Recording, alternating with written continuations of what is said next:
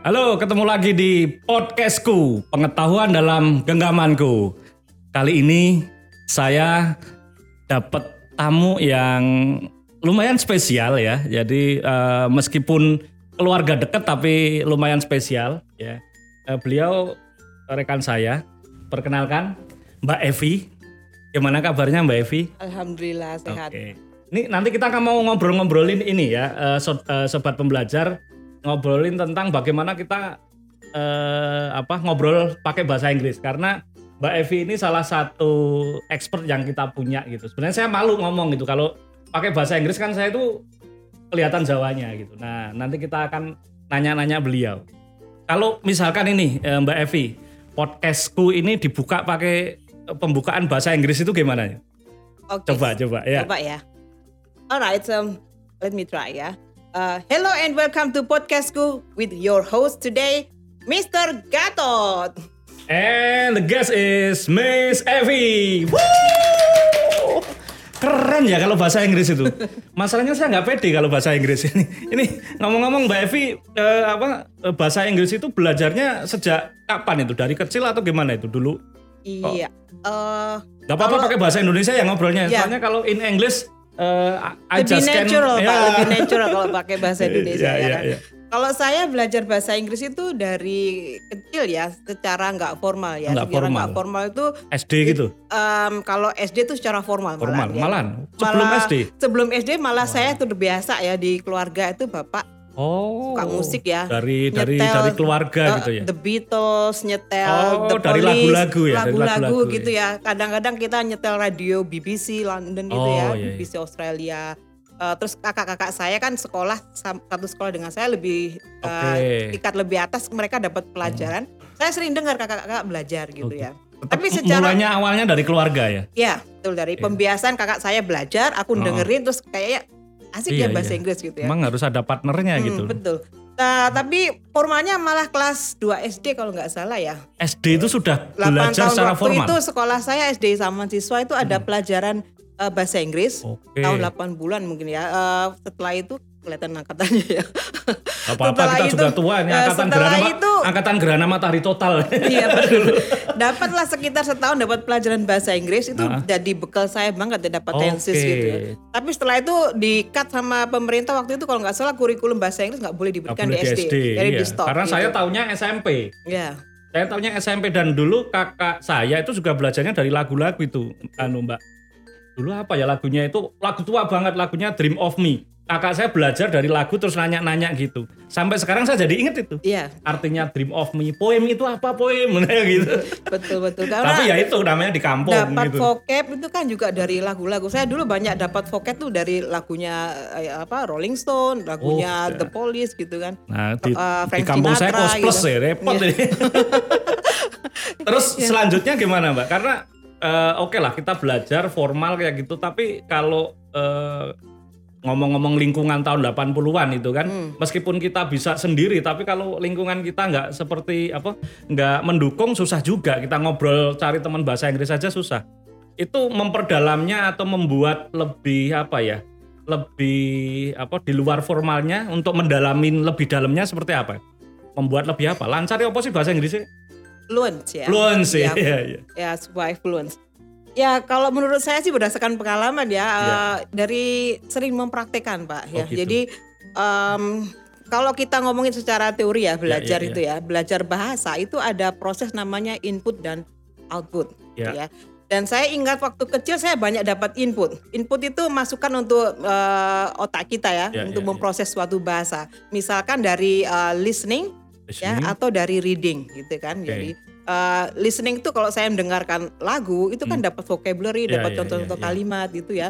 Jadi secara informal itu ada input untuk untuk otak kita. Waktu kecil karena keluarga suka musik, lagu-lagu Ya, barat, situ dapat ya. input dari situ. Kemudian ngelihat kakak saya ya, Hmm. baca maja, uh, baca buku pelajaran kalau nggak salah. Saya sampai, sampai sekarang saya masih ingat ya teksnya itu. Heeh. Misalkan on the farm, this is a farm, there are so many animals.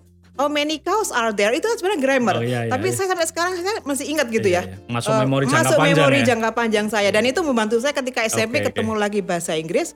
eh, jadi gampang nilainya jadi 100 gitu jadi nggak pakai belajar gitu karena Oke. ingat waktu masih kecil Iya, itu iya. secara input ya Eh, yang problem di Indonesia tuh saya rasa apa ya productionnya jadi dalam bahasa itu belajar ada input ada production production, Production itu output apa? production tuh kita memproduce eh, skill bahasa Inggris kita Oke, misalkan oke. speaking atau writing gitu Speaking, writing, Ya, ya, itu reading harus juga ya. harus balance. Jadi kalau Oh. orang dibilang eh, mahir atau bisa berbahasa asing itu harus bisa empat Harus skill itu. itu ya. reading, listening, speaking, writing harus bisa balance. Itu bahasa Indonesia saya susah, apalagi bahasa Inggris itu.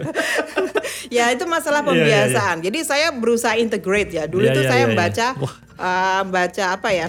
eh, kayak dulu majalah Hai itu dulu ada Ada ada, ada Inggrisnya ada ya? kayaknya lupa lupa ingat ya. apa kawan gue saya lupa pokoknya ada Iya, ba- iya. majalah lama itu ada juga seksi Iya, iya, iya. bahasa Inggris saya baca Dulu gitu suka kan. apa eh, Riders eh, Digest ya?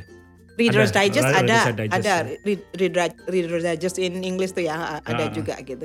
Jadi saya membaca Iya, terutama novel ya. Saya Iya. tapi baca novel pertama kali itu SMA. Di SMA saya ada perpustakaan tuh Mm-mm.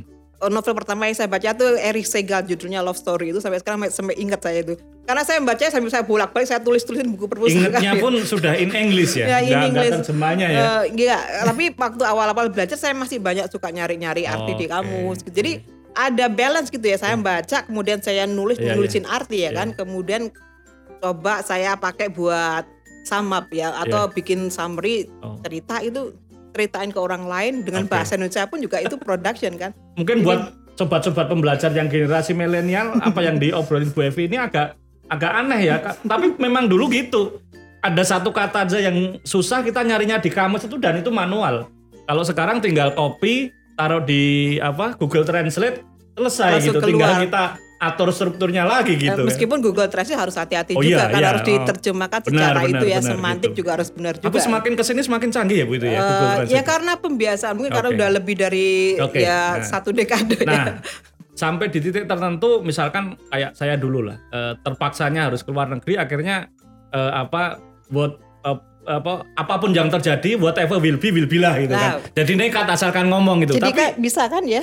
ya bisa, tapi tetap apa ya, tetap saya suka apa ya, ngerasa nggak lancar mikirnya kelamaan itu gimana bu? Eh, apa? Karena kalau balik ke Indonesia lagi, nanti lupa lagi juga. Ya itu apa ya?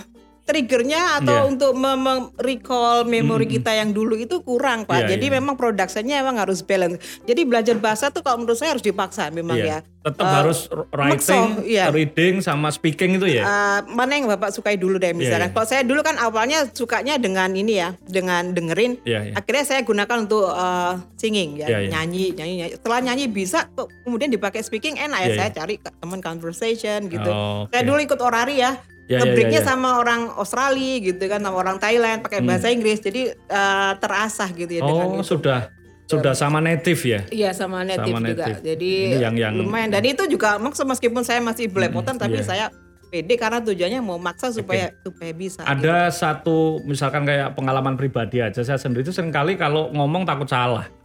Takut keliru spellingnya. Seringkali kan eh, apa kalau di Indonesia nih, misalkan ada kata yang sering banget misalkan orang keliru, misalkan knowledge, ada yang baca K-nya kenceng, knowledge itu kan ngomongnya kenceng itu kan sering kali ada yang negur itu aduh jadi suka suka apa ya? Suka takut keliru gitu. takut salah atau, Ah, ah, ma- atau malah malu diketawain Ah, gitu ya. itu.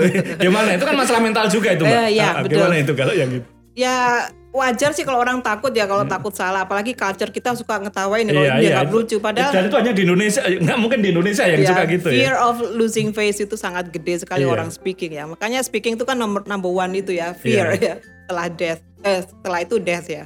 Eh, itu namanya kalau bahasa Inggris itu inhibition pak. Inhibition, Inhibition. itu perasaan dari dalam yang membuat. Iya. orang tuh takut ya atau enggan untuk eh, untuk praktek misalkan Betul. ya malu tadi Iya. takut salah terus takut eh, nanti disalah artikan Betul. dan lain sebagainya itu Ah, inhibition iya. sebenarnya itu apa ya internal sebenarnya iya. pak karena ketika kita speak up orang lain tuh pasti sebenarnya berusaha adjust dengan apa yang kita Oke. ah, ya iya, kan iya. namanya komunikasi Iya, ada iya, iya. anu ya dua Hmm, arah hmm, ya hmm, prosesnya jadi Hmm, orang tuh berusaha memahami decoding Betul. pesan kita Istri Jadi saya aja sampai takut. sekarang nggak pede ngomong bahasa Inggris sama anak saya. Kenapa? Istri saya bilang, eh gitu deh, anu, eh anak saya bilang apa bu telur gitu. ya nggak apa kalau ya kalau kita mau apa ya mau meminggirkan inhibition Iya, kita iya, sebenarnya kita go on aja. Tapi kalau sebenarnya kalau dipaksa pada akhirnya kita juga berdamai dengan keadaan Betul, kita sih. Pak. Kalau kita lihat eh, apa orang-orang Singapura itu kan bahasa Inggrisnya Bahasa Inggris agak ngaco juga, Iya. Singlish itu kan ngaco-ngaco nyampur. Iya. More diskon lah, happy lah. Ya, yang penting uh, productionnya tetap di, dijalankan Iya, iya, iya, aja, nggak usah iya. takut. Jadi sebenarnya itu faktornya lebih ke internal Iya, memang iya. Ya benar. Jangan dikira saya pun juga nggak punya inhibition, saya juga punya pak. Kalau mau ngajar juga kadang-kadang, aduh bis- bisa nggak nanti ngajar gitu. Disuruh misalkan saya sering moderator Iya, bahasa iya, Inggris iya, kan iya, berapa kali saya disuruh itu ya sebenarnya grogi Iya, takut iya, juga, iya. tapi saya Karena, nggak mau menunjukkan ah, gitu ya. Tetap aja saya gunakan eh, siapa tahu eh, meskipun saya salah, Iya, saya iya, bisa iya. learning from that Iya, iya. gitu ya. Kemudian improve aja dari Iya. situ. Oke, mungkin kalau ini eh, Mbak Evi buat eh, teman-teman mungkin ya yang kalau eh, kondisi di Indonesia itu kan biasanya kan kita untuk membangun apa fluently-nya eh, fluently-nya itu loh. Hmm. Itu gimana sih biar biar teman-teman itu juga tetap belajar terus, Hmm. production-nya itu terus, kemudian juga menghilangkan mental block yang tadi takut Iya. salah tadi itu gimana? Belajar. Jadi kita bisa ngomongnya pede dan lama kelamaan nanti akan terbangun gitu. Ya, oke, good question. Iya. Jadi menurut saya sih kalau pengalaman saya saya memulai dari yang saya sukain dulu Ya, ya, gitu. ya. karena saya suka music. Ya. Jadi saya dengerin uh, lagu kemudian saya uh, sing sing Ya, along ya. with song gitu kan. Setelah itu saya baru pakai untuk conversation gitu ya. Jadi Kalau, starting uh, uh, for ya. uh, from our hobby Hmm, misalkan dari gitu hobi kan. kita Oke. misalkan ya anak saya tuh pak anak sekarang kan beda ya saya nggak pakai bahasa Inggris pak di rumah Iya. sama anak-anak tapi kenapa anak-anak saya jago bahasa Inggris padahal saya nggak pakai. Ya, saya pakai Jawa ya di rumah itu ya Eh, karena 40% Iya. dia belajarnya dari game, Game. 30% dari nonton film, atau Film, movie iya. YouTube gitu ya, 20% dari Iya. lagu song, yang 10% dari sekolah. Jadi Oke. gimana kembali? Iya, benar Jadi juga. dengan main game kan dia juga Ah. speaking dan lain sebagainya. Iya. Jadi sampai sekarang anak-anak saya jago Iya. lebih jago dari maknya. Saya sering kali mah dengerin anak saya ngomong bahasa Inggris itu agak annoying juga. Itu sok di Malah sok, British. Inggris gitu loh. Spellingnya itu bener sebenarnya, cuman di rumah saya saya karena orang Jawa itu jadi dengerannya aneh gitu. Right? Oh gitu. Ya. Yang biasa aja kenapa sih itu? Ya, Ya, kan Kak. yang bener seperti itu. gitu. Betul. Karena exposure-nya dia. Kalau saya kan Iya, more iya, American iya, iya. English ya. Jadi Iya. saya lebih banyak ngomongnya kayak American. Tapi anak saya kan suka nonton yang uh, Iya, iya. British ya, Cambridge gitu ya. Iya. Jadi ngomongnya mereka typical British speaking. Jadi Oh, yang iya. lebih keren gitu Iya. dari saya. Jadi ya tergantung pembiasaan Iya, iya, kita iya. juga ya. Terus kalau belajar yang lain juga banyak sih Pak ya. Kita mau ikut diklat kan di Iya, KU iya. banyak ya diklat bahasa Benar sih. Inggris ya. Promosi. Oh ya, kalau, kalau sobat pembelajar mau belajar bahasa Inggris di KU nanti akan ketemunya sama Mbak Evi gitu. ya eh, apa di Kalau mau foto sama saya, gitu. tapi dalam bahasa Indonesia ya, not in English ya. nanti ketemu saya ya. Eh, itu ikut diklat, kita Iya. kursus, kita pakai Duolingo Iya, gitu ya atau Babel atau pakai apa pun. Ink breaking, pakai Iya. sosmed juga buat belajar banyak seka- sekarang banyak option Tapi ya. starting dari hobi itu memang Dari yang sangat kesukaan. membantu ya. Setelah itu go to the next step gitu. Kalau saya saya sudah bisa ngomong, saya harus bisa conversation. Setelah itu saya harus bisa writing dong gitu Oke, ya. iya, iya. Eh, saya bisa baca kalau kalau gitu saya summary dulu deh. Oke. Setelah itu naik lagi sampai jadi report, jadi Benar, benar, benar. artikel dan lain sebagainya. Jadi bertahap sih memang. Tapi ya don't Berarti stop saya ya. juga masih punya PR di writing Karena sama jenengan bikin keren. summary itu. Soalnya saya pernah dipaksa workshop dalam bahasa Inggris juga di Tapi Singapura bisa, dua kan? kali gitu. Ya, Ya, iya. karena workshopnya fotografi jadi eh, banyak sharing gambar, eh, ngo- Tertarik apa, kan ya? Let's talk eh, much eh, pictures ya. More pictures. more, more pictures. Jadi ya udah lah dua jam selesai ngomongnya belepotan ya yang penting dua jam selesai gitu. Kenapa Pak kita harus mulai dari yang kita senengin Pak? Iya, iya. Jadi kalau itu? belajar tuh kan pain ya sebenarnya sakit juga Iya, kan iya. belajar itu ya kalau kayak kita naik sepeda Iya. tiba-tiba jatuh itu Nah. kan kesandung berdarat itu kan ya sakit gitu. Iya, Tapi iya. kalau kita seneng kan Iya. nggak ngerasain Bener, itu bener. terus jalan Balik aja terus jalan pulang nggak gitu. kapok gitu ya. Oke. Kapok lombok gitu. Jadi harus Keren enjoy banget, dulu betul. Keren banget. Oke deh. Eh mungkin nanti perlu kita tambah nih durasinya ya, eh, sobat pembelajar ya. Kita akan sambung di episode selanjutnya kalau karena ngomong-ngomong learning English ini eh, apa saya sendiri pun sampai sekarang masih penasaran banget itu eh, tip and triknya ya. Eh, tunggu di edisi berikutnya. Eh, tetap tune di eh, podcastku pengetahuan dalam genggamanku. Terima kasih Mbak Evi, ketemu lagi You're besok ya. Stay tuned, don't go anywhere.